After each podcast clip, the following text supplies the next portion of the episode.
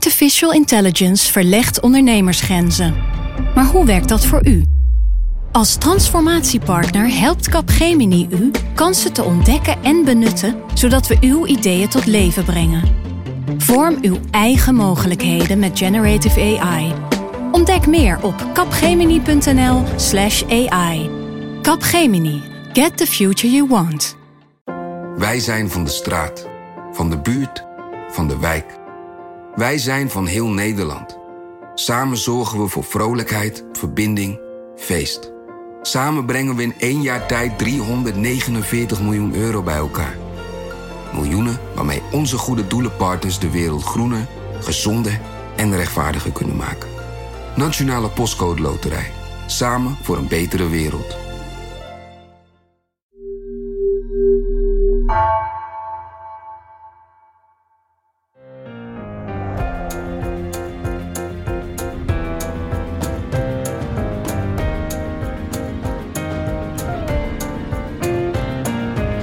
Dit is Haagse Zaken van NRC. Mijn naam is Lemia Aron.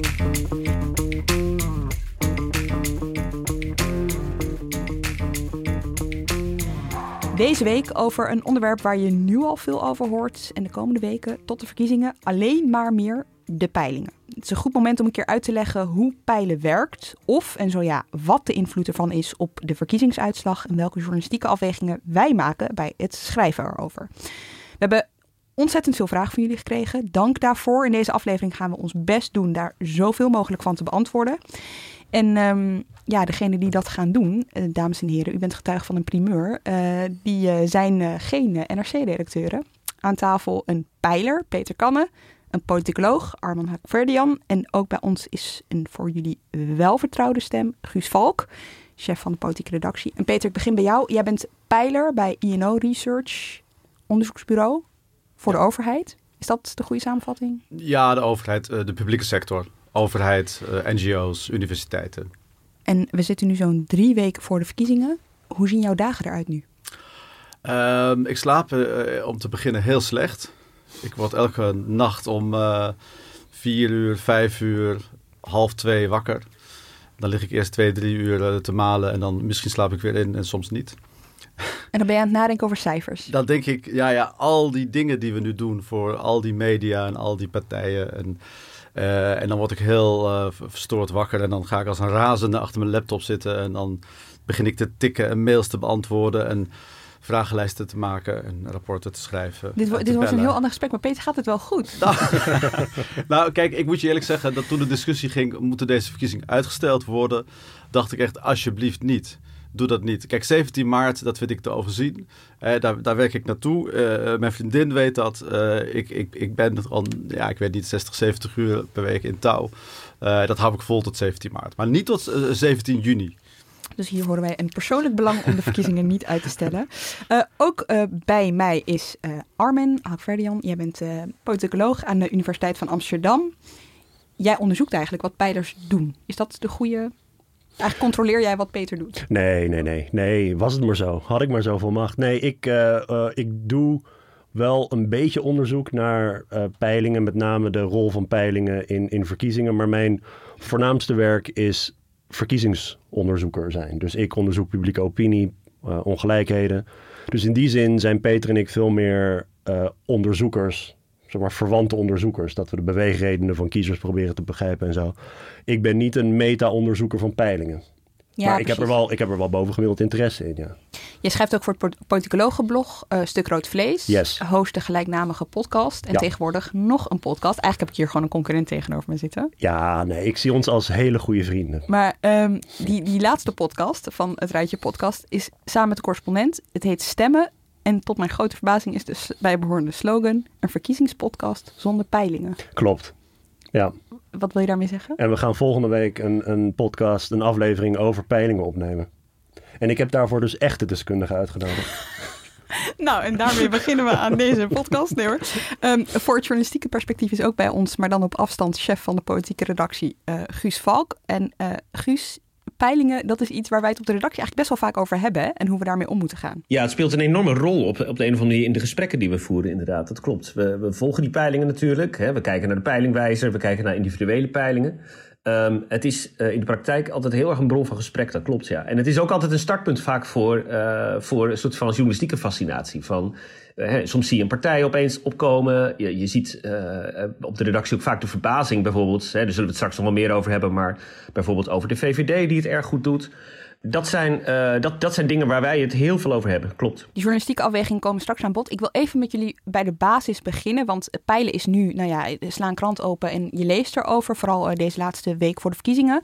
Sinds wanneer wordt er eigenlijk gepeild in Nederland? Sinds wanneer is dit een ding? Ja, dan, dan kom je eigenlijk al meteen te praten over wat nou een peiling is. Want als je echt wil kijken naar vanaf wanneer zijn politici en regeringen geïnteresseerd in wat mensen denken ja, dan kun je echt honderden jaren terug. Er zijn allemaal van die verhalen over George Washington, die te paard het land afreisde, weet ik veel, 250 jaar geleden, om de opinie te peilen. En gaandeweg de tijd zijn er natuurlijk altijd bijeenkomsten van mensen geweest waar ook meningen werden opgetekend. Maar als je echt wil kijken naar vanaf wanneer is de peilindustrie, de enquêteindustrie wetenschappelijk verantwoord gaan peilen, dan moet je denken aan de jaren 30, 40 in Amerika. En ook bijvoorbeeld vanuit mijn eigen vakgebied, uh, inderdaad vanaf de jaren 60 ongeveer. Ja, en er is natuurlijk wel een verschil tussen wat uh, George Washington deed en wat later wat, wat professioneler werd, namelijk het peilen van, van, van meningen. Uh, of het peilen van zetels, daar zit natuurlijk wel een verschil tussen. Dat is natuurlijk een belangrijk onderscheid. Uh, want die, die, we hebben het nu vooral over de zetelpeilingen, omdat wij, we hebben het over, de VVD doet heel goed en uh, Ja 21 doet ineens mee. En, en dat, is, dat zijn zetelpeilingen en die heb je nodig. dat is ook ja, hoe de hazen lopen. daar kijken natuurlijk ook die krantenredacties goed naar. Voor ons is veel interessanter, hoe komt dat? Wat ligt daaronder? Wat, wat zijn de beweegredenen van kiezers? Wat zijn de, de thema's die je te doen? Gaat het over de coronacrisis of gaat het over het klimaat of over uh, immigratie? Uh, en hoe zit dat per partij en hoe zit dat per doelgroep? En dus die inhoudelijke kant van de peilingen. Soms hebben we ook inhoudelijke peilingen waar helemaal geen zetel aan te pas komt.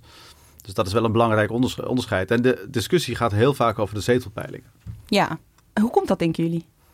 Nou, dat is eigenlijk wel vrij simpel. Dat is de enige, het enige soort onderzoek waar je uh, aan het eind van de rit uh, de waarheid te horen krijgt.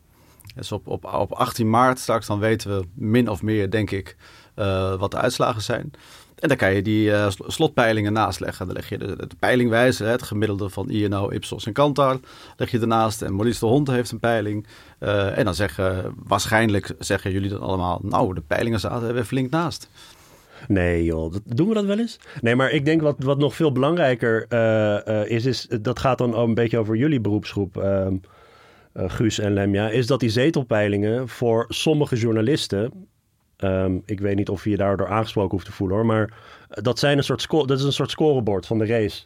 Dus daar gaan we het later waarschijnlijk in het gesprek over hebben. Maar de, de, de medialogica die tegenwoordig politieke verslaggeving voor een groot deel bepaalt, gebruikt die peilingen als een scorebord om de verkiezingen als een race te kunnen verslaan. En daardoor, daarvoor gebruiken ze die zetelpeilingen. En Peter Kanne en zijn collega's die zijn ook niet gek. Die weten dat dat gratis publiciteit is voor hun eigen bureaus. Die zetelpeilingen krijgen de aandacht. Um, dus het is, een beetje een gespannen, het is een beetje een gespannen relatie. Je wil natuurlijk dat mensen je onderzoek lezen... omdat je heel goed onderzoek doet naar, uh, naar beweegredenen en allerlei andere dingen. Maar wat uiteindelijk toch de aandacht grijpt, dat zijn die zetels. Dat is wie staat er voor, wie staat er achter, wie wint er, wie verliest er. Ja, um, ik, denk, ik denk dat dat nu niet meer zo klopt, eerlijk gezegd. En ik, als je, als je, we, zijn, we zijn opgenomen in de peilingwijzer. Daar hebben we niet zelf om gevraagd. Dat heeft de Universiteit Leiden samen met de NOS hebben dat bedacht. Uh, maar ik vind het ondertussen een hele goede ontwikkeling. Maar dat maakt wel dat onze zetelpeilingen krijgen helemaal geen aandacht meer. Uh, je zult bijna nooit een zetelpeiling van INO of Ipsos uh, of Kantar uh, individueel in een krant of in een medium uh, zien. Die van de hond nog wel, want er zijn een paar kranten, media die ja. die overnemen. maar wij moeten het echt hebben van het verhaal dat eronder ligt. Guus, wij doen het alleen met de peilingwijzer, hè? Precies, wij werken alleen met de peilingwijzer, hè, wat toch een gewogen gemiddelde is uiteindelijk. En dus een, een, meer, een, een, ja, een meer basis heeft, minder de dagkoers, een minder horse race-achtig is, hopelijk. We gebruiken het eigenlijk zelden echt om nieuws mee te maken. Dus who's up, who's down, zeg maar, dat soort verhalen maken we eigenlijk nooit. Um, maar we gebruiken het wel om als startpunt voor verhalen, zal ik maar zeggen. Ook omdat we, he, iedereen die dat, dat effect is wil zien, raad ik aan om de documentaire van Koen Verbraak over de SP uit 2012 uh, terug te kijken. Die heet Tussen Pieken en Pijlen. Ehm, en eh, dat die documentaire gaat over en laat heel mooi zien hoe Emiel Roemer tot enorme hoogte in de peilingen stijgt. Een soort van, van premier-aspiraties lijkt te krijgen. En vervolgens maakt hij een enorme duikvlucht in die peilingen. En um, wat dat effect op Roemer en op de SP is, is desastreus. Het gaat alleen nog maar over de peilingen. Er is werkelijk niets anders waar ze het over hebben. Dus het is ook een. Uh, je kunt heel, heel chic zeggen: hè, nou, de peilingen, daar, daar doen wij niet aan. Maar het heeft effect. Politici kijken ernaar en gedragen zich ernaar. Zeker. Maar de, dus de, de, de uiteindelijke uh, de manier waarop, waarop journalisten en verslaggevers en verschillende nieuwsmedia omgaan met die peilingen, is sinds die tijd, in de afgelopen tien jaar dat ik me een beetje in dit debat heb uh, bewogen, daar is heel veel onderscheid binnen de journalistiek tussen. Kun je dat eens uitleggen? er zijn sommige uh, tv-programma's en kranten en bladen en noem maar op die gewoon doen alsof er de afgelopen tien jaar niks, niks is gebeurd in dat hele landschap. En die nog steeds individuele peilingen verslaan. En dat zijn niet de minste spelers. Maar er zijn ook uh, nieuwsmedia die daar uh, lessen van hebben getrokken. En die dus inderdaad terughoudender zijn geworden.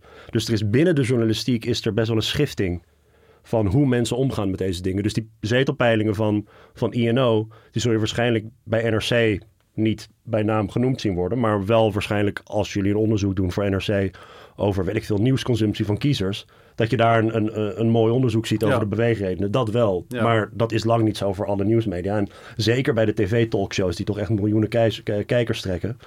Eh, daar worden nog echt wel eh, individuele peilresultaten gebruikt van die zetelpeilingen. Ah, en, en soms ook door elkaar. Hè? Ik, ik, Ja. ik keek laatst naar, naar Buitenhof. En eh, in een gesprek werd het ene moment eh, eh, de peiling van de hond aangehaald. Waar de VVD maar op 35 stond.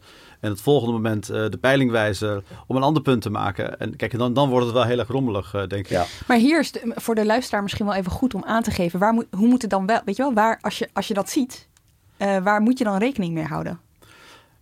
Nou ja, kijk, ik denk dat die peilingwijzer, want dat is toch wel aardig om daar iets meer over te zeggen, hoe, hoe die tot stand is gekomen. Eh, eh, ja, die is buiten ons eh, ontstaan, dat zei ik al.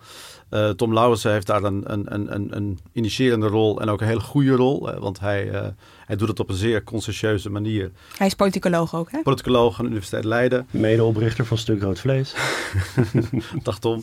Ehm, ehm, en wat daar, wat daar goed aan is, is dat, kijk, als je kijkt naar 10, 15 jaar geleden, was er heel veel discussie over de peilingen. Omdat er waren vier, vijf, soms wel zes peilingen. En ze lieten allemaal een ander beeld zien. In 2006 hadden we dat heel sterk. Eh, toen werkte ik nog bij TNS Nipo. Nou, toen weken wij heel erg af van eh, de hond en, en eh, wat toen nog Sinovate heette, geloof ik. Wat nu Ipsos is. Ehm, dat is heel verwarrend. En, en, en inderdaad, wat Guus zegt, sindsdien is die peilingwijzer heel erg dominant geworden. En het goede is dat die, dat die, die schommelingen in die peilingen, de, de, de afwijkingen en de, en de uitbijters, eh, die vlak je af. Eh, dus je ziet, je kunt hiermee heel goed naar de trends kijken. Eh, ja, VVD staat al maanden, al een half jaar op zo rond de 40 zetels. Nou ja, dan mag je best vanuit gaan dat het ongeveer zoiets is. En als er dan een individuele peilingen is die eventjes 43 heeft of, of, of 36, dan hoef je daar niet gelijk. Het is net als met de aandelen, je moet hem niet gelijk Ja. eh, schrikken als die eventjes naar boven of naar beneden gaan. Het nadeel daarvan, van die peilingwijze voor ons, en dat is het punt van Armen, is dat wij doen die peiling natuurlijk ook om te laten zien wat we kunnen. En, en om een verhaal te vertellen en om te laten zien dat we een, een, een net betrouwbaar bureau zijn met verstand van zaken. Eh, als dat allemaal achter een luikje komt, eh, en dat heet peilingwijzer, ehm, dan, dan, dan is dat voor ons minder interessant. En, Tom Lauwersen doet daar heel veel aan om ervoor te zorgen dat we, eh, dat we, dat we ook zichtbaar blijven. Dat iedereen dus zeg maar steeds alle drie de pijlers daarachter Precies. noemt. Kijk, en dat is het. En wij, wij, wij zijn bij jullie geweest, bij NRC, bij Volkskrant, bij de NOS, bij het Algemeen Dagblad, bij Trouw, ehm, bij RTL, dacht ik. Eh, met, met alle pijlers, met Tom Lauwers, hebben we een soort tour gemaakt, eh, begin vorig jaar, nog vlak voor de coronacrisis. eh, om met al die redacties te praten van, ja, wat zijn peilingen nou eigenlijk? Wat doen we? Wat kun je ermee? Eh, en we hebben de peilingwijze. Nou, prachtig. Gebruik hem. Maar vergeet ons ook niet. Hè, en, zeg ook even, als het de peilingwijzer is, dat het het de peiling is van die drie bureaus. Maar het is, En dat gaat, het is en dat gaat redelijk goed. Voor jullie is dat hartstikke bevrijdend. Het is, het is, eh, wat, wat ik echt fijn vind aan de afgelopen verkiezingen en aan de verkiezingen nu, is dat je veel meer in kranten en bij andere organisaties ook gewoon kiezersonderzoek ziet. In samenwerking ook met universiteiten. Dus die, die peilbureaus, als die gewoon die zetelpeilingjes doen, peilingwijzer is er, die publiceert ze. En je hebt je handen vrij om allerlei toffe onderzoeken te doen, dan is dat toch alleen maar bevrijdend. En ik vind dat heel fijn ook als politicoloog, dat we nu echt hele actuele kiezersonderzoeken krijgen, die gewoon achter die, die, die oppervlakte eh, graven. En dat is wat, wat eh, opinie bureaus veel beter kunnen dan, dan universiteiten, want die zitten veel meer op de actualiteit. Even om het terug te gaan naar uh, Peter, je zegt net, hè, uh, soms laten die peilingen een wat ander beeld zien. En daarom werkt die peilingwijzer zo goed. Dan, dan laat je de trend zien. Maar hoe kom je tot dat beeld? We hoeven niet heel diep de statistiek in te gaan. Maar we merkten wel in de vragen dat er best wel veel interesse is naar hoe, op basis, hoe, hoe kom je tot een peiling? Ja, nou ja, het, is niet zo ingewikkeld. Kijk, vroeger uh, werden de steekproeven getrokken vanuit de telefoonboeken en werden mensen gebeld. Een uh, stuk of duizend of tweeduizend mensen werden gebeld en dan had je een steekproef. Nou, dat, dat gebeurt niet meer. dat is moeilijk te realiseren. mensen staan niet meer in, in, telefoonboeken. Dus we doen dat nu met panels, online panels. Al sinds, ik denk, 10, 15 jaar bijna volledig met die panels. Uh, en dat doen ook eigenlijk alle pijlers. Hè. Dus de vier grote bureaus doen dat zo. Uh, en en nou, ons, ons panel bestaat uit uh, ruim 30.000 mensen. En dat trekken we elke keer een steekproef uit. Zorg ervoor dat, dat, dat alle relevante achtergrondkenmerken goed verdeeld zijn in die steekproef. Dus 50-50 man-vrouw, leeftijd, opleidingsniveau, de regio, stad en platteland. Um, en natuurlijk ook het stemgedrag bij de vorige verkiezingen. Want dat is een hele belangrijke voorspeller. Uh, dus je zorgt ervoor dat op die kenmerken je bruto steekproef van zeg 3.500 mensen, uh, dat die netjes is. Dat die eigenlijk representatief is voor de stemgerechtigde Nederlanders. Uh, en dan krijg je daar op die 3,5 ongeveer 2000 mensen die hem invullen. Soms iets meer. en dan heb je, die wegen we nog een keer op diezelfde kenmerken. Die weging is heel minimaal, want die bruto steekproef is al zo goed dat, nou ja, dat is een, factor, maar we hebben een weegefficiëntie van, van 90, 95 procent. Uh, dus dat, dat, dat, je hoeft niet heel veel meer aan te trekken en te duwen. En dan heb je een nette steekproef. Uh, en dat moet dan representatief zijn voor de kiezer. Uh, en dan zeggen mensen vaak, ja, maar hoe kan dat nou? Dan zeggen ze, we hebben 17 miljoen Nederlanders. En dan ja. zeg ik ja, maar je hebt 13 miljoen stemgerechtigden. Oké, okay. Uh, en hoe kan dat dan? En nou ja, daar is een soort metafoortje voor. Ja, dat, kom maar op. Nou ja, als, je, als jij een hele grote pan met soep hebt, een hele grote ketel, uh, dan hoef je die niet helemaal leeg te eten om uh, te snappen hoe die smaakt. Uh, je kunt als je een hele grote soeplepel hebt en je roert wel eerst heel goed, hè, zodat de ballen ook lekker naar boven komen en de vermicelli en alles wat je erin gestopt hebt. En je neemt een goede, goed verdeelde lepel uit en je gaat die proeven. Nou, dan weet je hoe die rest van die pan smaakt. Ja, maar zijn de ingrediënten van die soep bij alle pijlers hetzelfde? Zijn daar regels voor? Nou ja, ze gaan allemaal over de kiezers. Dus die, dat zijn de ingrediënten. dus dat, dat, dat, dat zou hetzelfde moeten zijn. En kijk, wij wegen bijvoorbeeld op, op, opleiding en niet op inkomen. Nou, dat zou je ook nog kunnen doen. Dat zou best kunnen dat andere pijlers dat doen. Maar ik, kijk, ik heb zelf meteen de SNIPO gewerkt, wat nu Kantar is. Ik weet dat die min of meer op dezelfde manier peilen. Um, van Ipsos en, en, en, en Maurice weet ik het iets minder goed. Maar maar, Grosso modo zal het... Het is wel echt jammer dat Peter met die soepmetafoor komt. Want ik wilde hem net onderbreken om, om dat ook te gaan doen. Sorry. ja. Het mag wel. Je mag maar het is zo'n, want het is zo'n, uh, zo'n goede vergelijking namelijk. Dat komt van, van, van George Gallup. Hè? Echt de, de, de stamvader van, van de pijlindustrie. En zolang je maar goed roert. Dat de kunst van het peilen is, is dat je niet die hele pan wil, wil leeg eten... voordat je iets over die, over die smaak van die soep zegt. En... Um, wat ik heel erg boeiend vind aan de ontwikkeling van het vakgebied, is dat je een soort. Uh, je, hebt, je hebt de tekstboeken waarin staat zo moet je peilen. En je hebt ook een aantal van die echt orthodoxe hardliners die zich daaraan willen vasthouden. Dus eigenlijk wat je zou willen hebben is een, is een lijst van alle stemgerechtigden in Nederland. En dan vervolgens trek je een willekeurige steekproef van pak een beet 2000 daarvan. En al die mensen die je benadert, die gaan ook daadwerkelijk meedoen aan het onderzoek en die vullen die peiling waarheidsgetrouw in. Dat is wat de theorie zegt. Echt een soort van ideaalbeeld. Mm -hmm. Nou, daar dat zitten allerlei ja, allertjes onder het gras. Ja. Ten eerste, wie heeft die, wie heeft die informatie? Wie heeft, wie heeft dat? Uh, de gemeentelijke basisadministratie is niet publiek beschikbaar. Ja, het SCP misschien wel. Dus echt de... de, de CBS. Uh, het CBS. En dan bijvoorbeeld de, uh, het onderzoek van het SCP maakt daar gebruik van. En die kan bijvoorbeeld wel wat dingen daarmee doen. Maar als je een commerciële pijler bent dan gaat natuurlijk de overheid jou die gegevens niet geven. Dat is al één. Het tweede is dat dat trekken van die steekproef, ja, allerlei mensen die willen niet meedoen aan die steekproef. Ja, wat moet je dan doen? Ik bedoel, en de mensen die niet meedoen, die zijn anders dan de mensen die wel meedoen. En dan bij het invullen van zo'n, van zo'n vragenlijst krijg je ook weer allerlei van dat soort potentiële fouten. En inmiddels heeft het internet ervoor gezorgd dat heel veel enquêteonderzoekers, en niet alleen maar de pijlers, maar ook gewoon enquêteonderzoekers in het algemeen, overgestapt zijn op die internetpanels. En ehm, voor zover ik weet, is het niet zo dat die online panels nou kwalitatief slechter voorspellen dan die, dan die traditionele. Want die traditionele panels, die, die hebben ook allerlei, of die traditionele peilingen hebben ook allerlei problemen met, met respons en zo. Hè? Nou, ze zijn er ook niet meer, hè, bijna. Ja, je hebt ook Ja, het NKO. Die gekke Amerikanen die Ja. doen soms nog aan. Ja, de Amerikanen doen, doen nog van, van alles. maar wat ook interessant is om hier op aan te vullen, is, en dat is ook wel een compliment naar de politicologen, en misschien ook wel de wisselwerking tussen de politicologen, de pijlers en de journalistiek, is dat, dat 10, 12 jaar geleden, eh, ik doe dit nu een jaar of 16, eh, hadden we heel vaak, eh, nou ja, laat zeggen, lastige stukken in de kranten van ook eh, deze politicologen. Armen heeft er ook wel een paar op zijn naam staan. Wat voor stukken? Zeker. Eentje Nou in ja, de NRC eh, zelfs. Kritische stukken. Was dat het stuk met die kippen zonder kop? Eh, In 2012, eh, dat is een van mijn eerste artikelen, denk ik, eh, in, in de nationale media. De peilingencarousel draait door, heette dat. Samen met Tom van der Meer en Jean Tilly. Eh, daar was de hond heel boos over destijds, weet ik nog. Jij, jij, jij vond het Hond. wel meevallen. Nou, kijk, wat ik me herinner was dat met name die kop. Ik, ik, ik herinner me iets met kippen zonder kop eh, in het NSC. En, ehm, en Tom belde mij toen eh, direct van, nou ja, die kop die was niet van ons hoor, sorry. maar dat stuk was verder prima. En je mag ook kritisch zijn, hè. En het, is, het heeft ons heel erg geholpen, die kritiek van, van, van deze politicologen. Maar waar ging die kritiek nou om dan? Nou ja, dat gaat heel vaak over, en daar kan Armin straks meer over zeggen, maar wat, wat, wat hen stoort is eh, dat we ehm, nou ja, te veel nadruk leggen op winnaars en verliezers. Dat als een, een, een, pa- een partij in een peiling er één zetel bij eh, krijgt, dat, dat er dan gezegd wordt, eh, D66 heeft één zetel meer en dat komt door het slechte optreden van Alexander Pechtold vorige week bij De Wereld Draait Door. Ja. kijk, dat is echt volstrekt bullshit.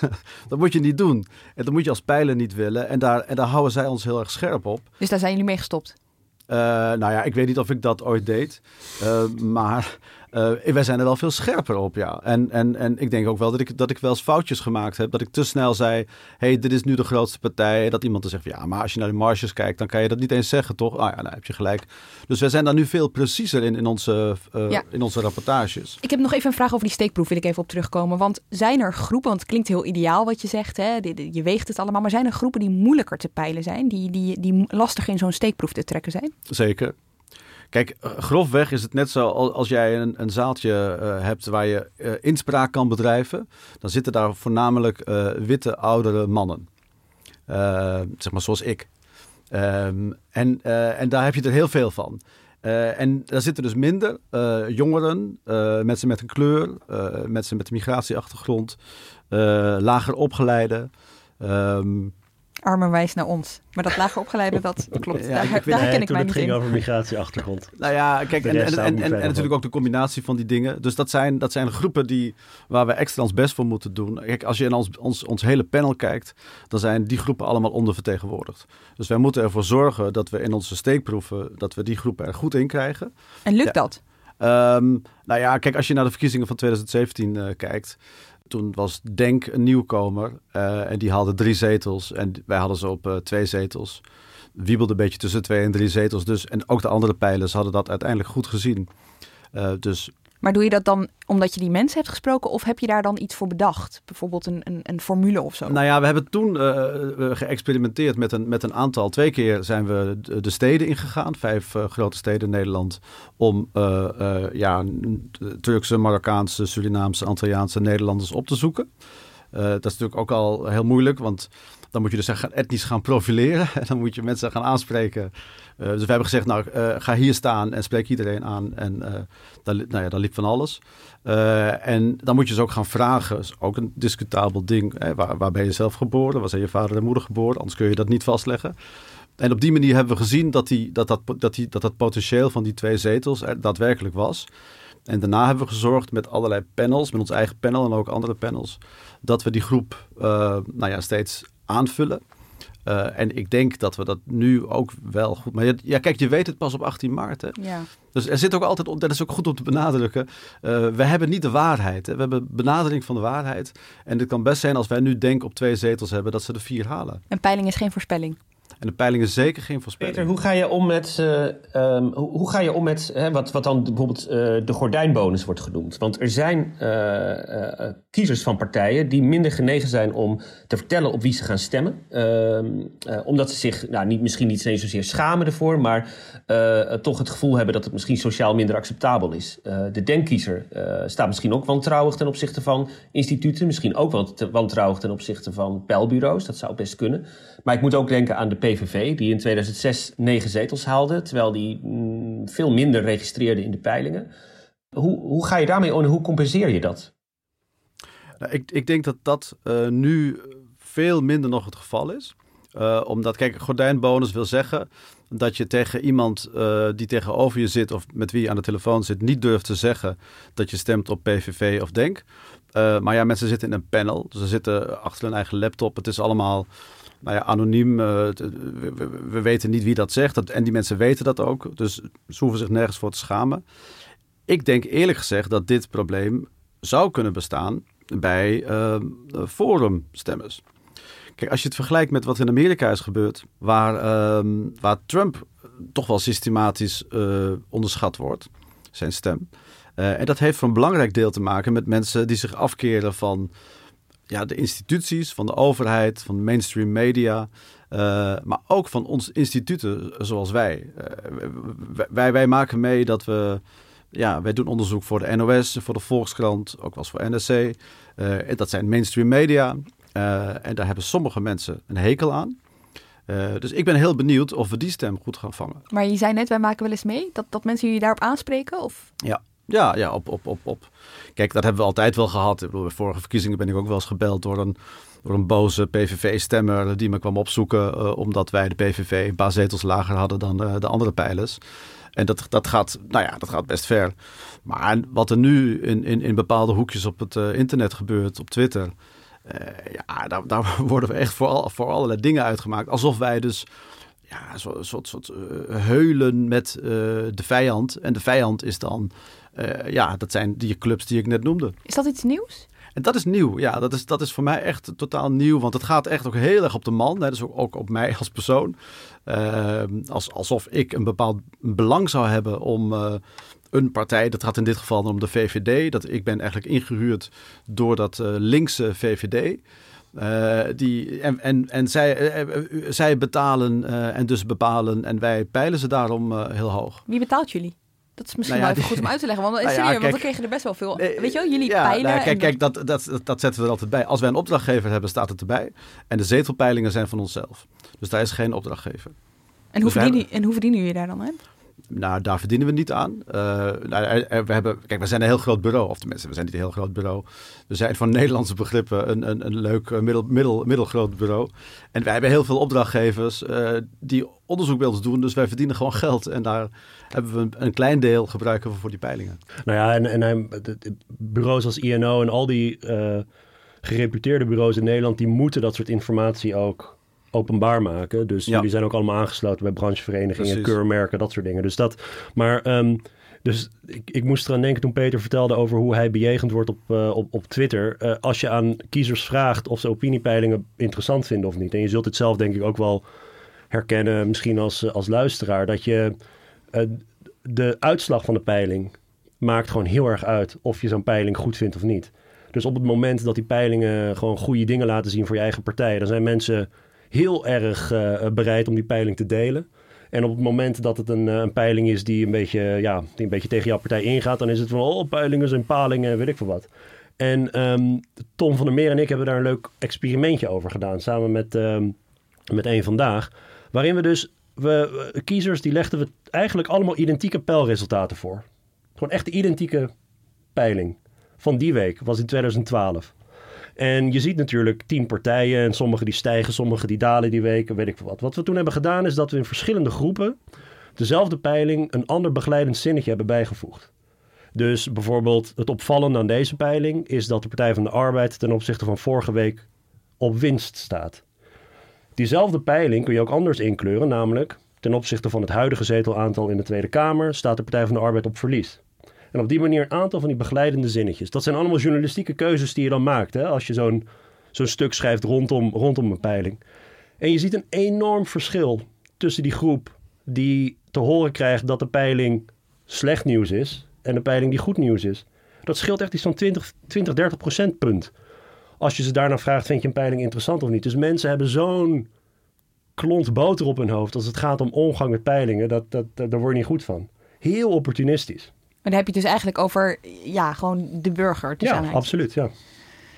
Peilingen zijn palingen totdat ze aangeven dat jouw partij het goed doet, dan is het geweldig. Ja, Guus, ik denk dat wij hier, wij hier even om de hoek eh, komen kijken ook. Weet je wel, de manier waarop je, waarop je erover schrijft. Mm nou ja, dat is ook zo. Dat, dilemma dat, ze, dat, Armen en Peter schetsen, dat herken ik wel een beetje. Um, uh, want peilingen zijn gewoon een factor in, uh, in de Haagse politiek. Je ontkomt er niet aan om erover te schrijven. Tegelijkertijd, volgens mij, Armen had het net over voorspellen. Um, dat, dat vind ik zelf altijd een hele lastige. Een, een peiling is op zijn best natuurlijk een momentopname.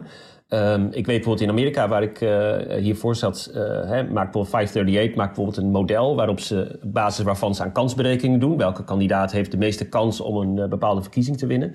Nou, die traditie kennen we in Nederland niet. Um, dus het zijn op zijn best momentopnames. Dus je kunt hooguit eruit dingen uit aflezen. Kijk, als uit peilingwijzer blijkt dat een partij instort, dan is er wel iets aan de hand. Dus dan moet je daar iets mee. Dan moet je naar die, uh, uh, dan moet je naar die achterban toe. Dan moet je kijken wat er aan de hand is. We hebben dat wel eens met de SP gedaan bijvoorbeeld. Die, uh, die het een tijdje, uh, zo rond de Europese verkiezingen was dat ook echt slecht deed in peilingen. Opvallend slecht. En toen zijn we gaan kijken in, ehm, in SP-wijken wat er aan de hand was. Dus het is voor mij wel altijd een startpunt. Wat ik persoonlijk al de journalistieke armoede vind, is politici gaan bevragen naar peilingen. Want dan krijg, je, dan krijg je altijd dus die peilingen zijn palingen antwoorden. Of dan zeggen ze van um, uh, ja, maar als je kijkt naar het, naar het meerjarige gemiddelde, dan zitten we toch duidelijk uh, plus één in de lift. En uh, weet je wel, je kunt er van allerlei dingen op toepassen. Maar een politicus bevragen naar peilingen, en, en dat, dat gebeurt in kranteninterviews minder dan bijvoorbeeld op, in, op televisieinterviews, ehm, vind ik zelf altijd een beetje armoedig. Ja, uh, oké, dit is een functioneringsgesprek. Ik betrap mezelf namelijk erop soms dat ik het wel doe. Ik, ik zat laatst bij operatie. We moeten het even over hebben, ja? Doen we nou wel eventjes. Uh, ik zat laatst bij operatie interview van de Bali tegenover Wout Koolmees. Nou, uh, D66 doet het al heel lang niet zo goed in die peilingen. Dus ik, ik, ik vroeg hem ernaar en hij vond het verschrikkelijk. Hij wilde er eigenlijk ook gewoon zo min mogelijk over zeggen. En ik dacht, ja, maar het zegt wel wat als je eigenlijk al sinds 2017, dus het moment dat je begint in zo'n kabinet niet goed in die peiling staat. Dat zegt toch wel wat? Maar je zou ook kunnen vragen, in, in analogie van uh, wat Armin zegt. Uh, voor D66 geldt heel vaak, regeren is halveren. En nu staan ze maar op een derde verlies. Dus het gaat toch best wel goed met D66. ja. Ze zouden veel lager moeten staan, ja. ja. Nee, de, de, de, uh, wat, wat Guus zegt over de voorspellende waarde van peilingen en zo. Hè, dat, dat is, ik bedoel, de kern uiteindelijk van al die vragen die mensen hebben over of peilingen nou goed zijn of niet en welke is nou de beste of niet, is natuurlijk dat we niet dat eikpunt hebben. Dus kunnen we die peilingen die er zijn, hoe weten we nou welke er goed is? Hoe weten we nou welke er slecht is? Dat is een ontzettend moeilijke vraag. Dat eikpunt, als we zouden weten hoeveel procent van de Nederlanders op de VVD zou stemmen, dan zouden we die peilingen niet hoeven te houden. Dus we, eh, de verkiezingsuitslag komt het dichtst in de buurt, maar dat betekent dan wel dat de opiniepeilers moeten gaan peilen onder mensen die gaan stemmen bijvoorbeeld. Net zoals in Amerika. En volgens mij doen jullie dat niet. Het is de kiesgerechtigde bevolking, of wel? Nou ja, maar we nemen dat mee natuurlijk. We doen de kiesgerechtigde bevolking en dan zeggen we, vragen we, eh, ben je te gaan stemmen? En degene die zeggen zeker wel of waarschijnlijk wel, die vragen we op welke partij dan? En dan, en dan krijg je dus, moeten we die vergelijken met de verkiezingsuitslag? En op het moment dat je dat doet, dan kun je mensen ook afrekenen op het feit dat ze er naast zitten of niet. Dat is altijd een beetje een, een, een ongemakkelijke discussie. Want peilingen zijn inderdaad een momentopname. Maar op het moment dat ze dus gaan over mensen die zeggen dat ze wel gaan stemmen, dan kun je hem op een gegeven moment wel naast die verkiezingsuitslag leggen, die slotpeilingen. Ik bedoel, maar in Nederland liggen die pijlers best dicht bij elkaar als het gaat om de slotuitslag. Dus je kunt niet op basis van die slotpeilingen en de verkiezingsuitslag nog consistent zeggen: deze pijler is beter dan de andere? Ik, want dat, dat is uiteindelijk wel echt de vraag die mensen steeds hebben. Welke pijler is nou het beste? Maar het is een beetje zoals, uh, we hadden het net over een functioneringsgesprek. Als Guus bijvoorbeeld uh, de politieke redactie, drie mensen op de politieke redactie vraagt... van ga eens onderzoeken wat er is gebeurd bij het laatste katshuisoverleg. En uh, alle drie onafhankelijk. En dan kom je alle drie terug met een net iets ander verhaal. Tenzij hij zegt, nee, je moet praten met de hoofdrolspelers.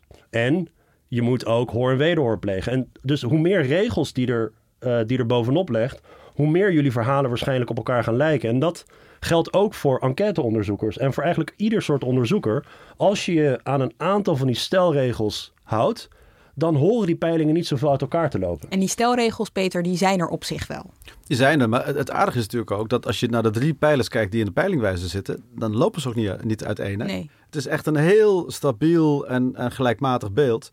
Maar jullie lopen wel uiteen, eh, soms met uh, die andere grote pijler, Maurice de Hond, die niet in de peilingwijzer meer zit. Ja, maar ook niet zo heel veel. Hè. Ik geloof dat Maurice heeft de VVD, dacht ik, op, op 35, weet niet zeker. En peilingwijzer, nou bij ons 39, ik dacht 39, 40.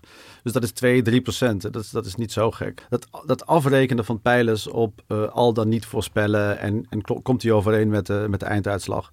Um, daar moeten we ook niet voor weglopen natuurlijk. Hè. Je kunt natuurlijk niet doen, je kunt je daar niet helemaal aan onttrekken. Je kunt niet zeggen van ja, maar jongens, kijk, wij peilen maar tot drie dagen van tevoren. En ja, oké, de PVV is de grootste partij en de VVD heeft 20 eh, zetels gehaald. Maar ja, dat, dat, dat, uh, als dat zo zou zijn, je, je, het moet natuurlijk wel in, in grote lijnen moeten die, die krachtsverhoudingen uh, uit de verkiezingen komen. Ja. Als dat niet zo is, als, als, als morgen de verkiezingen zouden zijn en we hebben de, de stand in de peilingen zoals we die nu hebben, ja, dan zou, eh, dan zou het heel gek zijn als de VVD niet de grootste werd. En, en dan mag je niet laten zeggen van ja, maar sorry, maar het was geen voorspelling. Nee, nee, oké, ja, nee, dat begrijp ik. Het is nog wel belangrijk om daar een uh, voetnoot bij te plaatsen. Dat is dat 10 tot 15 procent van de kiezers, uh, begreep ik, die uh, verandert nog op het laatste moment van waar die op gaat stemmen. Ja, kijk, de kiezer is, is, is, is, is heel volatiel. Hè. Dus, dus ehm, ik weet percentages niet precies, maar ik denk dat wel 30, 40 procent nog nadat wij onze laatste peiling hebben gedaan, nog, nog wisselt. Kijk, je hebt dan nog, nog twee grote debatten. Eh, nu nog het Eén Vandaag debat en het NOS eh, slotdebat. Er staat nog van alles in de kranten. Er kunnen nog allerlei incidenten zijn. Dus, dus dat, dat is natuurlijk wel een reden waarom die slotpeilingen zullen nooit exact overeenkomen met de eind, einduitslag ik wil Peter niet te veel complimenten geven in dit gesprek natuurlijk. Maar als je dus kijkt naar hoeveel de wereld. hoeveel, hoe, hoe sterk de wereld is veranderd. Hoe sterk de kiezers veranderen. Hoe sterk de technologie is veranderd. Dan is eigenlijk de hamvraag niet waarom zijn peilingen zitten ze nou zo vaak naast. Maar waarom zitten ze niet veel vaker naast dan nu? De Nederlandse opiniepeiling, als je kijkt naar, naar, naar slotpeilingen en de verkiezingsuitslag, doen het over het algemeen uitstekend. Er is altijd wel één partij die ze met z'n allen een beetje overschatten of onderschatten. Dus bijvoorbeeld vier jaar geleden de VVD werd door iedereen uh, lager ingeschat dan ze zijn. Of de PVV in 2010 dacht ik ook. Maar over het algemeen, ja, je hebt ook gewoon 10, 15 partijen in Nederland. Dat je een van die partijen misschien wat, wat hoger of lager inschat, is niet erg we importeren die discussie over peilingen uit Amerika en Engeland veel te veel. En daar staat zoveel op het spel, want daar heb je namelijk wie wordt de president of niet. Bij ons maken een paar zetels meer of minder helemaal niet zoveel uit. Wat heb je er nou aan om te weten dat de, dat de Partij van de Arbeid in 2017, die had negen zetels hè, na die 38. Dat, ze er, dat ze er tien of elf hadden gehad. Stel dat, dat de pijlers de, de, Partij van de Arbeid niet goed hadden ingeschat. De hoofdboodschap is natuurlijk, de Partij van de Arbeid die krijgt enorm op zijn falie. En dat hebben al die pijlers hebben dat laten zien in de slotpeilingen. Maar jij ziet dus dat die peilingen er eigenlijk in Nederland in ieder geval altijd wel dicht in de buurt zitten van de uitslag. Het scheelt een paar zetels. Dicht genoeg voor mij dat ik aan de hand van die slotpeilingen een beeld krijg van ja, dit, dit staat er ongeveer te verwachten. Het feit alleen al dat alle pijlers vier jaar geleden zowel Denk als Forum twee nieuwe partijen, twee kleine partijen, twee moeilijk te, te peilen partijen uh, bijna allemaal gewoon hadden in de slotpeiling, is, is knap. Maar dit is genoeg complimenten. Serieus, de meeste vragen die wij binnenkregen gingen hierover. Hoe kan het dat ja 21 wel wordt gepeld en een partij als Volt niet? Nou, ah. tegenwoordig uh, dus wel. Of bij één niet. Weet je wel, mensen zien daar van alles in. Hoe werkt dat? Wanneer, wat zijn de regels? Ja, ik krijg die vraag ook heel veel. En, en terecht ook. En ook van die partijen zelf. Van, hey, waarom staan we niet in jouw peiling? Uh, nou kijk, in de eerste plaats, er zijn dus, ik geloof 37 partijen. Uh, wij nemen niet al die partijen mee in onze peiling. We hebben de 12 uh, die in de Kamer zitten. Um, we hebben, en we polsen de hele tijd met allerlei screenings en met een open vraag. Als mensen zeggen, ik, deze partijen niet, maar een andere partij, namelijk bij één, namelijk NIDA. En dat houden we heel goed in de gaten. En op het moment dat als het een van die twee meetinstrumenten blijkt dat die nieuwe partij op ongeveer een halve zetel staat, dan nemen we ze op in, in onze voorgecodeerde peiling. Dus als genoeg mensen Ja. die, die dan zou extrapoleren tot een bepaalde groep daarop dat ja, aangeeft. Dat moet dus, ja, dat moet dus 0,35, 0,4 procent zijn. Kijk, want als je een partij opneemt in je peiling, dan geef je hem ook een duwtje. Precies. En dat willen we ook niet. Dus wij willen dat niet zelf eh, forceren. Het, het- dus die partij moet het zelf verdienen door men- dat mensen het spontaan gaan noemen. Nou, dat is nu het geval. In onze nieuwe peiling die dit weekend gaat lopen, hebben we eh, Code Oranje, de Boer-Burgerbeweging, Volt, een Ja 21, die hadden we al. Eh, Volt eh, hadden we ook al op een zetel. Dus die gaan we nu meenemen in in die vaste peiling en die andere nog niet. Maar we houden steeds vinger aan de pols. Dus een partij als bijeen wordt gewoon nog steeds niet genoeg genoemd. Klopt, ja. Maar dit is wel, een- dit is echt heel, ik heb hier geen antwoord op, maar dit is echt een heel interessant kip-of-ei verhaal. Want je geeft inderdaad partijen soms een duwtje. En de, die, die steun voor partijen komt niet uit de lucht vallen. Het is niet ineens van, oh, mensen stemmen spontaan op een partij. Ergens gebeurt er iets in de samenleving. Ergens wordt een vliegwiel aangezwengeld. En dat kan nou net zo zijn dat dat, dat, dat een, een, een pijler is die een partij opneemt. Of een kieswijzer of een stemwijzer of weet ik veel wat. Dus het is wel... Ik ben wel benieuwd of je daar niet eh, experimentjes over hebt gedaan. Van wat gebeurt er nou als ik een compleet nieuwe partij opneem in mijn lijst? Is het dan zo dat het, dat, eh, dat het, dat het die... eh, dat het wat aanzet bij mensen. Ik zou Nou, daar gewoon heel lekker mee experimenteren met die, Nou ja, kijk, met die eigenlijk wat ik, wat, ik, wat ik beschrijf, die twee dingen die we doen, dat is eigenlijk een experiment. Hè? Want Mm. de ene keer laat je het spontaan noemen, en de andere keer doe je het geholpen door het voor te coderen. Eh, en, en de verschillen zijn verrassend eh, klein. Oké. Eh, dus ik zou eigenlijk verwachten dat die nieuwe partij, als ik ze meeneem in een... Kijk, ik, weet- ik noem het een screening, dat doe, doe ik onder het, he- het hele panel. Dat, dat publiceer ik niet als peiling, maar dat doe ik alleen om, om voor mezelf te volgen. Zijn er nou partijen die, die er ineens uit gaan springen? En, die, en, die, en al heel lang staan heel veel van die partijen op 0 of 0,1 procent. Eh, en, en je zou, ja... Maar wat je, wat je net zei, eh, Peter, vind ik wel interessant. Van, je, hè, je wil niet een, een, een, een speler worden. Maar tegelijkertijd, eh, als ik kijk naar het RTL-debat van zondag bijvoorbeeld... dan wordt bij de deelnemende partijen wordt gekeken naar het huidige zetelaantal... en hoe ze het doen in de peilingen. Dus die twee dingen worden samengewogen. Als ik naar onze eigen stemhulp kijk die we online hebben staan... allemaal even kijken, www.nrc.nl slash stemhulp. Heel handig, kun je verkiezingsprogramma's vergelijken. Maar ook daar kijken wij naar de 14 grootste partijen volgens de peilingen. Ehm, dus dus eh, zeg maar, hè, wat, jij, wat jij peilt, hè, is eigenlijk een papieren werkelijkheid, zou je kunnen zeggen. Je kan ermee doen wat je wil. Je kan peilingen, palingen roepen of, je- of het heel serieus nemen. Maar dat heeft gewoon effecten in het echte Ja. leven eh, uiteindelijk. Ik, ik, ik zei ook niet dat we met onze peilingen geen, eh, geen rol willen spelen. Eh, ik wil het niet zelf, ik wil niet forceren. Ik wil niet dat, dat stel dat mij valt op dat Code Oranje met Richard de Mos eh, eh, leuke dingen doet. En mij valt op dat Volt heel veel op Twitter en op Instagram te zien is. Dat ik denk, oh dat is leuk, die ga ik eens meenemen. Dat wil ik niet. Het mag geen willekeur worden. Dus ik heb daar, we hebben daar een vuistregel voor bedacht. En die, die heb ik net genoemd dat is wat anders dan dat, dat wij eh, iets laten zien. Kijk, eh, nu bijvoorbeeld ja 21 staat volgens mij in, in, in ieder geval die van de hond en die bij ons. Ik dacht bij de andere pijlers ook op één of twee zetels. Het laatste bij ons zelfs drie zetels. Nou, dat, dat gaat dus een, die gaat dus een rol spelen in eh, het, het, discussie. Ik zag gisteren iemand iets twitteren over... hey, bij het slotdebat dan mag, mogen Henk Krol en Femke Merel van Koten wel aansluiten... maar Joost Eertmans niet. Oh nee, Joost Eertmans wel, maar Richard de Mos niet. En eh Laurens Dassen van eh, Volt ook niet. Eh, nou ja, kijk, dat, dat zijn niet wij. Hè. Dat zijn die, die, die redacties die, die die keuze maken. Maar wij moeten er wel voor zorgen, dat is onze verantwoordelijkheid, om dat zo eerlijk en onafhankelijk mogelijk te doen. Zonder onze eigen voorkeuren daar een rol in te laten spelen. De peilingwijzer die is, die is interessant in deze. Hè? Dus eh, wat de peiling. De, het, mensen vergeten wel eens wat het doel was van die peilingwijzer. Eh, de peilingwijzer is er niet voor bedoeld om te kunnen achterhalen of Partij van de Arbeid met 11 zetels of GroenLinks met 12 zetels uitgenodigd moet worden bij een debat. De peilingwijzer is er juist voor bedoeld om te laten zien dat het totaal onzinnig is om te zeggen als partijen zo dicht bij elkaar staan dat je ze kunt onderscheiden. Dus het is ontzettend ironisch dat de peilingwijzer wordt gebruikt om als een selectiemechanisme voor partijen die zo dicht bij elkaar liggen. Dan heb je helaas helemaal niets begrepen van de peilingwijzer. Je kunt op de basis van de peilingwijzer wel zeggen dat, dat de VVD waarschijnlijk uitgenodigd moet worden. Maar de fragmentatie in het Nederlandse partijstelsel is dusdanig groot dat al die middengrote partijen min of meer even groot zijn. Ja, en dan kun je gewoon de peilingwijzer niet meer Maar gebruiken. wat, dan maar moet wat je zouden ze een dan, wat ja, dan moet wel je moeten doen? een redactionele keuze moet je maken. Niet op je, moet niet dat, je moet dat niet afschuiven op de peilingen.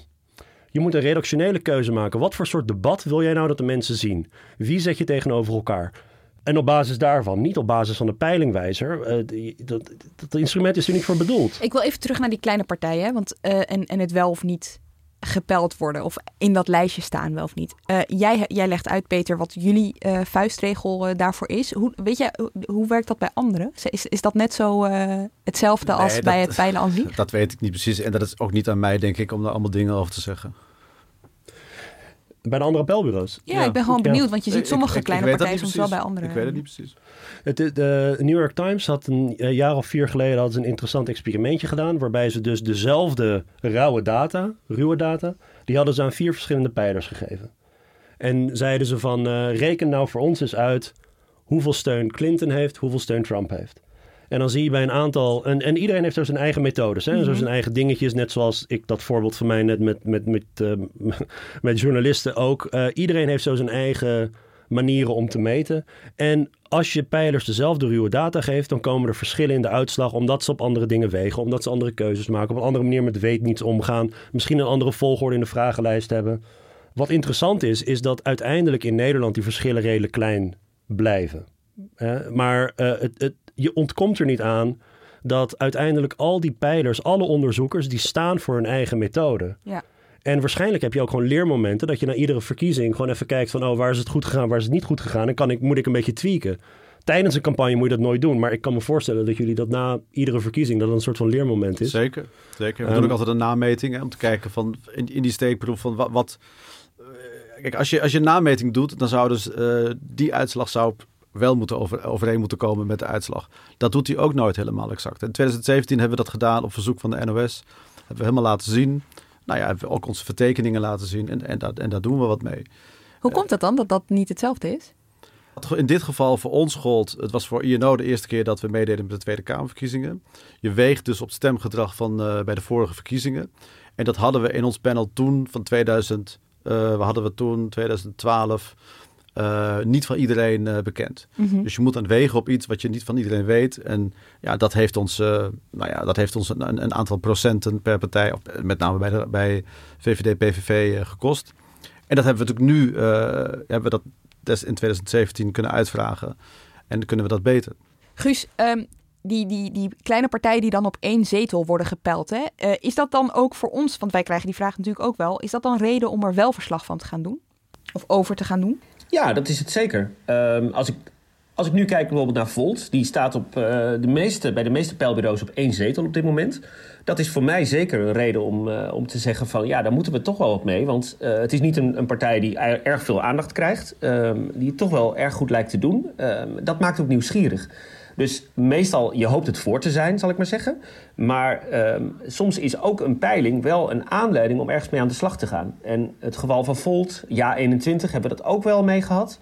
Ehm, is dat wel een soort inspiratie om, eh, om te denken van... hé, hey, hier moeten we wat mee. En is het ook een voorwaarde om dan wel verslag voor, eh, weet je, over een partij te gaan doen? Nee, niet per se. Ik vind dat we ook moeten kunnen berichten over partijen die helemaal niet registreren in de peilingen. Ehm eh, eh, bij één bijvoorbeeld vind ik een belangrijke partij waar we ook echt wel wat mee moeten. Tegelijkertijd doen ze het in de peilingen niet of nauwelijks zijn ze daar aanwezig. Dus, maar goed, dat, is wel een partij die het antiracisme-debat bijvoorbeeld ehm, eh, scherp voert en, en daar ook wel invloed op uitoefent. Dus in sommige gevallen wil ik daar wel van afwijken. Maar ik vind over het algemeen wel dat, dat peilingen wel leidend zijn. Ook in onze journalistieke houding, zeg maar. Wat, eh, want uiteindelijk kun je wel heel veel conclusies verbinden aan peilingen.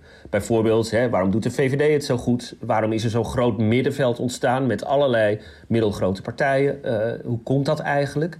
Eh, waarom springt er niemand echt naar boven als de nummer twee bijvoorbeeld? Dat zijn ook wel vragen waar we wat mee kunnen. Ja, de, dus de, die, die internetpeilingen die we nu hebben, die omschakeling naar online, is natuurlijk, eh, heeft, heeft allerlei uitdagingen voor peilers ook, om, om goed te wegen en om het representatief te krijgen. Eén groot voordeel van zo'n panel is dat Peter die panelleden heel goed kent en over de tijd volgt. Het zijn dezelfde mensen die die over de tijd volgt. Dus je kunt heel makkelijk verandering in kaart brengen. En dat is echt de goudstandaard in enquêteonderzoek. Dus panelonderzoek was van oudsher ontzettend duur en moeilijk te doen. Toen je nog al die mensen face-to-face interviewde of telefonisch interviewde en ze om nog een keer te ondervragen. En, en nu met die online panels heb je daar veel beter zicht op en kun je dus die kiezerstroom in kaart brengen. Dat is voor mij echt de allerboeiendste informatie uit enquêteonderzoek als het gaat om verkiezingsresultaten. Waarom verschuiven die kiezers zo? Ehm, en dat is heel inhoudelijk. Hè? Als kiezersonderzoek heb je er ontzettend veel aan. Dus waarom is Rutte nou zo populair geworden? Dat zegt iets over hoe wij als burgers stemmen. Of het een rally around the flag is of niet, of dat het gaat om leiderschap of weet ik veel wat. Uh, en dat kunnen die, die online panels beter dan het, het, het orthodoxe, uh, zeg maar, één punt in de tijd meten van, van een, van een uh, ja, van, van die voorkeuren. En ik, ik hoop dat we daar veel meer van gaan zien eigenlijk. Ik vind het wel fijn dat Armin dat zegt, omdat een vorige generatie politicologen denken en spreken daar wel eens anders over. En dat kom ik nog steeds tegen in allerlei kranten en media. dat je eigenlijk een toevalssteekproef nodig hebt en dat, dat, dat dat niet via de panels kan. Maar in de moderne wetenschappelijke wereld is dit eigenlijk ja, dagelijkse praktijk. En wij werken heel veel samen met wetenschappers, met allerlei universiteiten. Wij doen nu onderzoek met de UvA en de Volkskrant, hele, hele interessante dingen. maar je ziet bijvoorbeeld ook, wij hadden twee weken geleden uitgebreid kiezersonderzoek in de Volkskrant. En een week later hebben jullie een, een, een vergelijkbaar heel mooi onderzoek met Matthijs Roduin van de UvA. Wat ook heel mooi onderzoek is. Hè? En, en dat, eigenlijk lijkt het heel erg op elkaar. We leggen andere accenten, maar we doen eigenlijk hetzelfde. En daarmee zie je ook dat die werelden heel erg naar elkaar toegegroeid zijn. En, uh, en dat je dus geen discussies hebt over, ja, is wat jij doet nou wel zo netjes en wij doen het allemaal veel beter. Dat is wel, dat, dat is wel gestopt. We zijn vrienden. Ja, oké. Okay. Nou, wat mooi. Wat we hebben elkaar nodig. hey, um, waar ik toch nog wel benieuwd naar ben, is uh, de invloed van peilingen op verkiezingen. Want eh, je, je, geeft heel duidelijk aan, doen je allebei, het geeft geen voorspellende waarde. Maar is het wel van invloed ja, op hoe mensen gaan, gaan stemmen? En hoe, hoe weten we dat? Nou ja, kijk, dat, dat, dat weet je op, op, op, omdat we het vragen. Hè? Dus je weet waar mensen op afgaan. Uh, je ziet het ook. Kijk, 2012 is een heel goed voorbeeld van uh, de invloed van de peilingen. Uh, die, die, die laatste, er is al wat over gezegd, die laatste race tussen Samsom en Rutte, die was er niet geweest als er geen peilingen waren geweest. Want heel lang zagen we de SP aan kop gaan. Toen kwam Samsom, werd inderdaad steeds met twee zetels, kreeg de PvdA erbij. Uh, Armen noemt dat een bandwagon effect. Ik noem dat de prestatie van Diederik Samsom, die wij lieten zien in de peilingen. Um, de PvdA groeide door, waardoor we vlak voor de verkiezingen een situatie zagen waar PvdA en VVD allebei in alle peilingen laag in de 30 stonden. Nek aan nek. 32, 33, 33, 34. Dat was de stand in alle peilingen. En wat gebeurde er? Uh, kiezers die rondom de PvdA zaten, die misschien liever op, de, op GroenLinks zouden willen stemmen of op de SP, uh, die gingen toch naar de PvdA. Strategisch stemmen. Strategisch stemgedrag. Aan de rechterkant idem dito met PVV, CDA-stemmers. En die partijen kwamen allebei rond de 40 zetels uit. VVD iets meer, PvdA iets minder. Dat was een heel duidelijk, uh, duidelijk de invloed van de peilingen. Heeft strategisch stemmen zin? Armen? Ja, 2012 is echt een, een fantastische campagne om, om te ontleden op, op dagniveau bijna.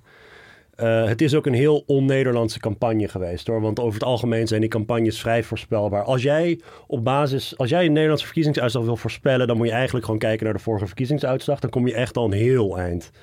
En dan daarbij kijk je nog een beetje wat die peilingen uh, laten zien. In 2006, toen ik... Um, um, mijn, mijn vriendin was destijds werkte in Leiden bij, bij politicologie. Die hadden een poeltje. Dat, iedereen heeft een poeltje op het werk waarschijnlijk over... Uh, nou, niet iedereen, maar iedereen die zo'n beroepdeformatie heeft als wij... voorspelde verkiezingsuitslag. En ik heb dat toen voor haar ingevuld. En uh, toen heb ik de Gouden Maurice gewonnen. Dat was een wisselbeker en... Um, dat heb ik gedaan puur op basis van, van de vorige verkiezingsuitslagen en op basis van een aantal peilingen. Dus die, maar die 2012-campagne was dus echt totaal anders. Want daar had je echt dat stuivertje wisselen van een partij van 35 naar 15 en, en vice versa. Wat je dan krijgt is dat ook in de media, in de media die, die, die tweestrijd wordt dan het dominante frame. Samson en Rutte die zuigen al die concurrenten van ze leeg. En wat krijg je op het eind? Ze moeten gaan samenwerken. Ja, en dan heb je dus dat probleem dat al die kiezers die daar strategisch op hebben gestemd gefrustreerd zijn. En als je kijkt naar die, naar die populariteit van die twee partijen na die verkiezingen, dat stort ook als een drillpudding in één. Dus dat zegt dan over strategisch stemmen, dat kan uitlopen op teleurstelling. Het, kan zo, het loopt altijd uit op teleurstelling. En sowieso, die werkelijkheid die wordt geconstrueerd. Er is niets, zo'n zo'n pijluitslag of een debat dat wordt gevoerd. Het directe effect daarvan op stemgedrag is beperkt. Wat effect heeft, is hoe die, hoe die resultaten uit debatten en peilingen geframed worden door, wederom, de verslaggeving. Daar ben ik het niet mee eens. Ik, ik, ik denk dat die peilingen, dat mensen ook, als je ze uh, SEC een peiling voorlegt, dat mensen daar die informatie gebruiken.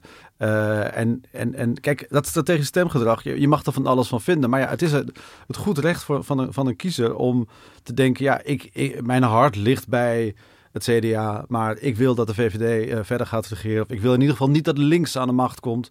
En dat is, dat is wat de kiezer mag doen. Ja, dat mogen ze wel doen. Alleen ze komen vaker van de koude kermis thuis ja, dan niet. Nou ja, dus bij voor mij volgende... mag iedereen stemmen hoe ze willen stemmen dat, natuurlijk. Bij de volgende verkiezingen kunnen ze daar misschien aan terugdenken en het niet doen. Ja. Uh, maar dit, is al, dit hoort allemaal bij de democratie. Maar hangt het ook niet heel erg af van hoe ver hoe ideologisch ver partijen van elkaar afstaan. Zeker, dus tuurlijk. als je bijvoorbeeld de, bij de VVD hopen ze natuurlijk op een tweestrijd nu met de PVV, hè, om zichzelf als alternatief op te werpen tegenover. Ja, dat is natuurlijk wel wat anders dan de VVD of de PVDA. Ja, maar de, de, dus die, die tweestrijd uiteindelijk met de PVV, Rutte die zal dat heel fijn vinden. Rutte die zal het heel fijn gevonden hebben dat een paar jaar geleden hij in het slotdebat tegenover Baudet werd gezet. Um, als, als een soort van uitdager tegenover de macht. Ja. Maar er is, dat, dat zijn uiteindelijk niet de twee concurrenten in het electoraat. De twee blokken, de ideologische blokken, waartussen die. Weet je, dus ik.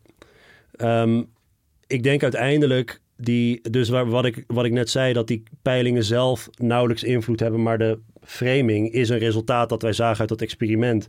Dus een peilresultaat zelf aan zich zegt gewoon niet zoveel. Omdat je als kies. Je hebt, dan krijg je 15 van die, van die partijen krijg je te zien met een, een plus tweetje daar en een min tweetje daar en weet ik veel wat. En, en je moet daar op een, een of andere manier chocola van maken.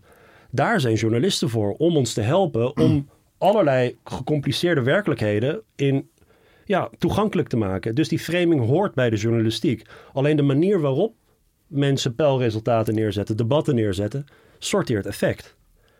Dus zo'n Ja, peil, kijk, peilresultaat aan zich zegt niet zoveel. Nog even in aansluiting op wat Armen net zegt. Ehm, soms kunnen inderdaad eh, peilingen toch wel een grote rol gaan spelen in een campagne. Ook in de hoofden van kiezers, denk ik. Niet alleen in de hoofden van politici, maar ook in die van kiezers. Ehm, eh, je had het net over de verkiezingen van 2006. Eh, ik herinner me die verkiezingen nog heel goed, omdat de PvdA in maart van dat jaar, de verkiezingen waren in november, maar in maart stonden ze op ongeveer 60 zetels in de peilingen. En eh, die voorsprong was ook consistent. Ehm, op dat eh, moment kreeg Wouter Bos, de lijsttrekker, kreeg echt vleugels en eh, werd de grote uitdager van Jan-Peter Balkenende. Maar die 60 zetels werden ook een soort van vloek. Want eh, 60 werden 59, werden 58, 57. En dat kalfde zo week na week een heel klein beetje af. Ehm, dat vonden ze bij de PvdA niet gek, want daar geloofden ze eigenlijk nooit zo in die 60 zetels. Ehm, maar het verhaal werd toen heel erg ehm, van Wouter Bos is een verliezer, zal ik maar zeggen. Hoeveel zetels zal hij deze week weer verliezen? En dat werd heel erg een verhaal op zichzelf. En het werd zomer, het werd najaar en, en het kalfde maar af en het kalfde maar af. En uiteindelijk landde hij ver onder eh, Balkenende. Ehm, eh, en ik had het gevoel dat de peilingen, ook juist zeg maar die, die vloek van die hoge peiling, eh, daar een hele grote rol in speelde. Ook omdat Wouter Bos zich daar niet helemaal uit van kon onttrekken, van dat beeld. Dus framing, ja, framing is inderdaad wel een heel belangrijk punt. Ja, kijk, Guus, jij vergeet wel een aantal belangrijke elementen, denk ik. Uh, midden 2006 stond, stond de PvdA inderdaad zeer hoog in de peilingen. En uh, kopte de Volkskrant, weet ik nog, wij willen Wouter. Op, uh, op basis van onderzoek dat wij met de UvA toen deden. Ja, weet ik nog. Maar ja. wat er gebeurde was dat Wouter Bos, die, die deed een, een, een toespraak over de fiscalisering van de AOW. Mm -hmm. Daar begon het eigenlijk mee. En het CDA, Jan-Peter Balkenende, zette daarop de aanval in. Uh, en dat werd, dat werd een dingetje, en dat, en dat deden ze op een, nou ja, in mijn beleving, negatieve manier. Hè. De, uh, u, u liegt en u draait. Het Radio 1-debat, wat we vandaag gaan krijgen, dat was een, een, een, historisch moment. Het is vandaag vrijdag overigens, de opnamedag. Ja, dus in het Radio 1-debat, waar, waar, waar, waar Balken en de uh, Bos frontaal aanviel. En dat zijn ze die hele campagne blijven doen. En er was dus sprake van framing, namelijk het frame dat, dat Bos een draaikont was en een leugenaar en degene die uh, de ouderen uh, in de steek liet. Um, en inderdaad, laten die, hebben die peilingen vervolgens laten zien dat dat werkte. Uh, dus ja, kijk, je kunt echt nooit zeggen dat, dat, dat peilingen iets zelfstandig doen. het is altijd een. Met peilingen laat je zien of iets een effect heeft. En dat kan dat effect wel weer versterken. Dat ben ik met je eens. Kijk, wat ik, wat ik niet helemaal eens ben met de politicologen, hun verzet tegen uh, het, het, het, het, het spel van wie wordt de winnaar en wie wordt de verliezer. Kijk, ik, waar, wat ik met je eens ben, is dat het is jammer om te doen alsof onze verkiezingen een tweestrijd zijn. Want eigenlijk heb je in, in Nederland momenteel drie grote stromingen. Je hebt het midden, je hebt rechtspopulisme en je hebt links. Dat zijn de drie. En, en in, in tweestrijd frames valt dat helemaal weg. Wat ik, wat ik, waar ik het niet helemaal mee eens ben, is, is het verzet tegen het, het horse race uh, ideeën. Dat heeft ook een positieve kant. Mensen vinden het heel erg leuk om de verkiezingen te volgen als een, als een nou ja, bijna als een talentenjacht. Hoe, hoe, doen, hoe doen de, de partijen het? Hoe doen de lijsttrekkers het? Uh, kan, kan Kaag straks in het debat op tegen de ervaren, uh, de ervaren uh, debaters? Kan Hoekstra, die voor het eerst meedoet, eh, gaat hij dat waarmaken? En wat is dan het effect in de peilingen? dat ik zie Armen gewoon echt, ik zie Armen gewoon gruwelen. Ik, dat, dat begrijp ja, ik. Ja, dat is inderdaad iets waar ik, um, ik denk dat dat heel erg patriarchaal is. Heel erg denigrerend richting de kiezer om het richting de infotainment te scharen. Ik weet wel dat dat, dat, dat een rechtvaardiging is waarom je zo'n verkiezingsdebat leukig wil aankleden. En, en weet ik veel wat. Uh, je, wilt, je wilt ook uh, inderdaad een kaag tegenover een Baudet zetten, zodat er vuurwerk komt. Of je, je wil niet Rutte tegenover Hoekstra zetten, want terwijl dat uiteindelijk toch de de partijen zijn waar mensen tussen twijfelen. Wat heb je eraan om, om, om Klaver tegenover uh, Wilders te zetten? Maar het levert wel vuurwerk op. Mensen vinden het waarschijnlijk leuk om naar te kijken. Ja, ik, ik denk dat dat... Dat is ook een beetje een kip of een ei verhaal hoor. Maar ik zie daar niet de meerwaarde van in. Als je kiezers wil informeren... dan zet je partijen tegenover elkaar die heel dicht bij elkaar zitten... en die moeten dan onderling maar laten zien waar de verschillen zijn. Zelfs dat is waarschijnlijk heel saaie tv. Ja. Zelfs als je daarvoor de peilingen dus totaal los moet laten. Niet naar kijken. Gewoon kijken naar ideologische verschillen. Ja, uit, je moet kijken naar die partijprogramma's. En kijken naar waar die inhoud, inhoudelijke verschillen liggen. Iedereen die vult die kieswijzers in. En er staan dan drie of vier partijen bovenaan. Ja, en welke van die partijen dan? Daar moet je, daar moet je informatie over krijgen. Zodat je een weloverwogen keuze kan maken. Wat deze verkiezingen iets anders maakt dan andere verkiezingen... is natuurlijk dat we uh, over drie dagen verspreid gaan stemmen. Wat verandert dat iets aan jullie pijlgedrag, Peter? Uh, nee. Uh, en, en, en kijk, als je het had willen veranderen, dan had je vanaf uh, vandaag ongeveer moeten stoppen met pijlen. maar dan had je ook geen debatten meer moeten hebben. Want er zijn nu mensen die krijgen hun, hun, hun brieven thuis. Hè? Dus 2,4 miljoen vandaag. vandaag 2,4 miljoen 70-plussers. En die kunnen vanaf nu gaan stemmen. Dus ze vullen dat ding nu in en, en doen hem morgen op de bus. en alles wat daarna komt, die informatie krijgen zij niet meer. Dus we hebben nog, wat is het nu, nog 2,5 week te gaan of zo. Uh, Stemmen zonder ophefjes geeft ook alweer een bepaald beeld. kijk, dat, dat, vind ik prima. Kijk, als de minister, de minister is gaan praten met ons, hè, met, met de opiniepeilers, uh, uh, minister Ollongren. Van Binnenlandse Zaken. Binnenlandse Zaken. Ehm, jongens, wat gaan jullie precies doen? En, en, en kan dat het, het, het kiesproces beïnvloeden? nou, alle pijlers waren daarbij wij waren unaniem over dat, dat, uh, dat wij geen gekke dingen gaan doen. We gaan hetzelfde doen als andere jaren. Uh, we gaan geen exit polls doen. Uh, Ipsos doet een exit poll. zoals alle jaren vanaf 9 uur op 17 maart is, die, is die exit poll waarschijnlijk te zien bij de NOS. Beïnvloedt dus niemand. En wij doen slotpeilingen over de mensen die gaan stemmen. En het kan best zijn dat we ze ook vragen of heeft u misschien al gestemd? En dan zou je dus kunnen laten zien, hey, 10% van de kiezers heeft al gestemd, of 5%. En die hebben gestemd op. En dat zou dan wat kunnen beïnvloeden. Maar tot wanneer pel je? En wanneer is de laatste publicatiedatum van je peiling? Ja, de slotpeiling. Daar ben ik wel nou ja, De slotpeiling is, is de dag voor de verkiezingen. Die, dan publiceren we hem. En die hebben we dan gemeten uh, de, het weekend daarvoor. En, en dan bedoel je 14 maart? Uh, dan hebben we het uh, eh, 16 maart publiceren. Maar dan hebben dus al, dan, dan heb ik al twee dagen lang kunnen stemmen. Ja, maar dat, dat, is, kijk, dat is dus een misvatting. Want er zijn nu al mensen die aan het stemmen zijn. He, dus als je daar rekening mee zou willen zou houden... Je nu al gestopt dan moet je nu moeten stoppen. Maar, maar dan mag je, dus, je dat niet? Nou ja, maar waarom doen jullie het niet? Gaan jullie nog artikelen publiceren over de verkiezingen? Maar denk je dat, dat het hetzelfde effect heeft? Dus dat de Nou ja, peilingen hetzelfde effect Kijk, hebben? kijk, voor een kiezer, een kiezer heeft een heleboel informatiebronnen. Dat zijn de debatten, zijn een belangrijke informatiebron. Dat zijn alle krant, eh, artikelen in kranten. Dat zijn de interviews die ze zien, de, de talkshows. eh, en dat zijn ook de peilingen. Dus dat is een informatiebron. Niet heel veel meer of minder dan die, die ik net noemde. Dus als je, als je hier zuiver in zou willen eh, kiezen... eh, dan moet je zeggen, eh, vanaf het moment dat de eerste mensen mogen gaan stemmen... nu zijn de stembussen open, stoppen met alles. Ik ben heel benieuwd hoe dat gaat lopen. Het is een soort experiment waar we straks in terechtkomen. Dus ik ben wel benieuwd wat er gebeurt straks als die eh, verkiezingsdagen dus allemaal... Ja, het zijn drie dagen.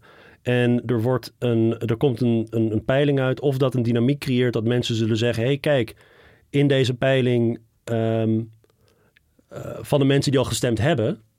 Hè, dus dat je al informatie hebt over hoe mensen gestemd hebben op een van die dagen... Of dat dan een rol zou kunnen spelen dat mensen zeggen van... hé, hey, kijk, je moet nu echt... Dat dat strategisch stemmen gaat versterken. Nou ja, kijk, jij kijkt naar Amerika, waar dat gebeurd is en waar, waar stemmen binnenkwamen van, van de poststemmers, en, of die waren nog niet binnen en anderen wel. Eh, dat, dat, kijk, in Nederland zal dat heel marginaal zijn. En het enige waarmee we dat kunnen, en, en, wij, en alle pijlers gaan daar denk ik heel prudent mee om. Ehm, je hebt misschien eh, straks 10 of 20 procent van de kiezers die hebben al gestemd. En dan zou je dus kunnen laten zien, hé, hey, dat waren vooral ouderen. Dus eh, eh, het CDA heeft al wat van zijn zetels binnen en het PvdA ook, want daar stemmen oude mensen op.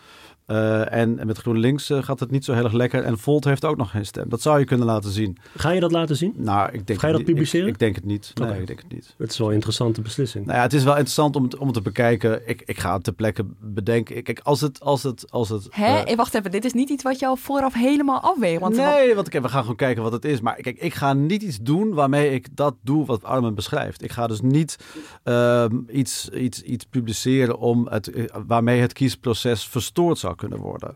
Eh, dat gaan we niet doen. En dat gaan die andere pijlers ook niet doen. Dat hebben ze allemaal heilig beloofd. Kijk, het is een eh, duivels dilemma, hoor, dus ik heb daar ook niet het antwoord op. Maar het is wel informatie die kiezers kunnen gebruiken natuurlijk. In het licht van peilingen zijn informatie, journalisten zijn informatie en weet ik veel wat... zou dit soort informatie ook gebruikt kunnen worden voor kiesgedrag. Hoe kiezers daar dan mee omgaan is hun eigen afweging. Het lijkt me heel verwarrend, eh, heel verwarrende informatie. Dus dan krijg je, oké, we hebben een peiling en er gaan, er gaan straks, eh, laten we zeggen, 35 zetels naar de VVD. En daarvan zijn er al drie binnen, want dat is met het stem, eh, met het poststemmen en met de, met de eerste dagen. Wat moet je daar als kiezer mee? Dat lijkt me, volgens mij maak je het dan alleen maar onduidelijk. En volgens mij moet je dat niet doen. Nou ja, dat, dat maakt deze verkiezingen natuurlijk ook een soort uniek eh, sociaal experiment. Hè? Want ehm, eh, verkiezingen over drie dagen uitgesmeerd, dat betekent dat, ehm, eh, dat we na maandag al ja, misschien conclusies kunnen trekken. Hè? Misschien komen er al, komen er al beelden naar voren uit, uit een bepaalde opkomst of, of een, een bepaald sentiment onder, onder kiezers. Worden er misschien al bij de stembussen mensen gepeild of wat dan ook? Ontstaat er ook het Fox Populi, zal ik maar zeggen? Ehm, Ik zie Peter hier druk nee eh, knikken. dus het is wel, het is, om even mijn, eh, zeg maar, mijn, mijn, mijn redenering zou zijn van, van dat is natuurlijk wel iets waar wij op moeten letten, inderdaad. Tegelijkertijd, eh, ja, we hebben bij de Europese verkiezingen natuurlijk ook gezien ehm, hè, dat, dat, dat verkiezingen in het ene land op een ander moment plaatsvinden dan in het andere land. Dan krijg je ook een soort van wisselwerking, zal ik maar zeggen. Ehm, eh, leidt dat tot grote problemen? Ik geloof het toch ook niet echt. Ja, ik, ik denk niet, Guus, dat dat, dat het gaat gebeuren. want eh, tenminste niet door de, eh, naar de vier pijlbureaus, of de onderzoeksbureaus. Ehm, ik denk niet dat er in die dagen eh, dit soort ja, halve exit polls naar buiten komen. Kijk, het kan zijn dat er een peiling naar buiten komt waarvan de pijler zegt... eh 10% heeft al gestemd en dat zit vooral bij CDA, PvdA. En 50PLUS heeft ook iets. Dat, dat, dat zou kunnen. Wij gaan dat waarschijnlijk niet doen. Uh, maar ik denk eerlijk gezegd niet dat je dat soort uh, fenomenen en effecten gaat meemaken. Maar jij zegt, we gaan het waarschijnlijk niet doen. Jullie vertelden net over jullie gesprekken met uh, Ollongren. Zijn er gewoon harde afspraken over gemaakt? Of is het gewoon meer een beroep op jullie geweest van willen jullie alsjeblieft in die tussenliggende nee, periode niks doen? Nee, het, het, het was een, een, een, goed gesprek. En, en de minister heeft. Klinkt haar... heel Haags. Ja, nee, maar kijk, de minister heeft haar zorgen uh, uitgesproken. En heeft bij ons gecheckt van hey, wat gaan jullie doen? En hoe zit dat precies? En wie doet wat wanneer? En ik denk dat wij die zorgen bij haar weggenomen hebben. En ik denk ook dat, dat, dat deze vier pijlers uh, dat netjes gaan doen. Um, we hebben niet iets beloofd. We hebben niks hoeven ondertekenen of zo. Ja. Er is er geen uh, uitgesproken van dit mag wel en dit mag niet. Um, ik, ik denk gewoon dat het, dat gewoon netjes gaat verlopen. Dank jullie wel. Peter Kanne, Guus Valk en Armen Hakverdian. En jij ook weer bedankt voor het luisteren. Volgende week is er weer een Haagse Zaken. En vanaf 8 maart kun je ons dus elke dag beluisteren tot aan de verkiezingen. En dat kan bijvoorbeeld via de NRC Audio app. Daar vind je ook andere nieuwe podcasts van NRC, dus zeker even proberen. Redactie en productie van deze aflevering waren in handen van Iris Verhulstonk. Tot volgende week. Ik ben al jaren ondernemer, maar waar moet ik eigenlijk allemaal aan denken nu ik voor het eerst personeel wil aannemen, voor het eerst ga importeren of voor het eerst een bedrijfslocatie zoek? Weet wat je wel of niet moet doen bij zaken die je voor het eerst oppakt. Check kvk.nl voor praktische stappenplannen. KVK, hou vast voor ondernemers.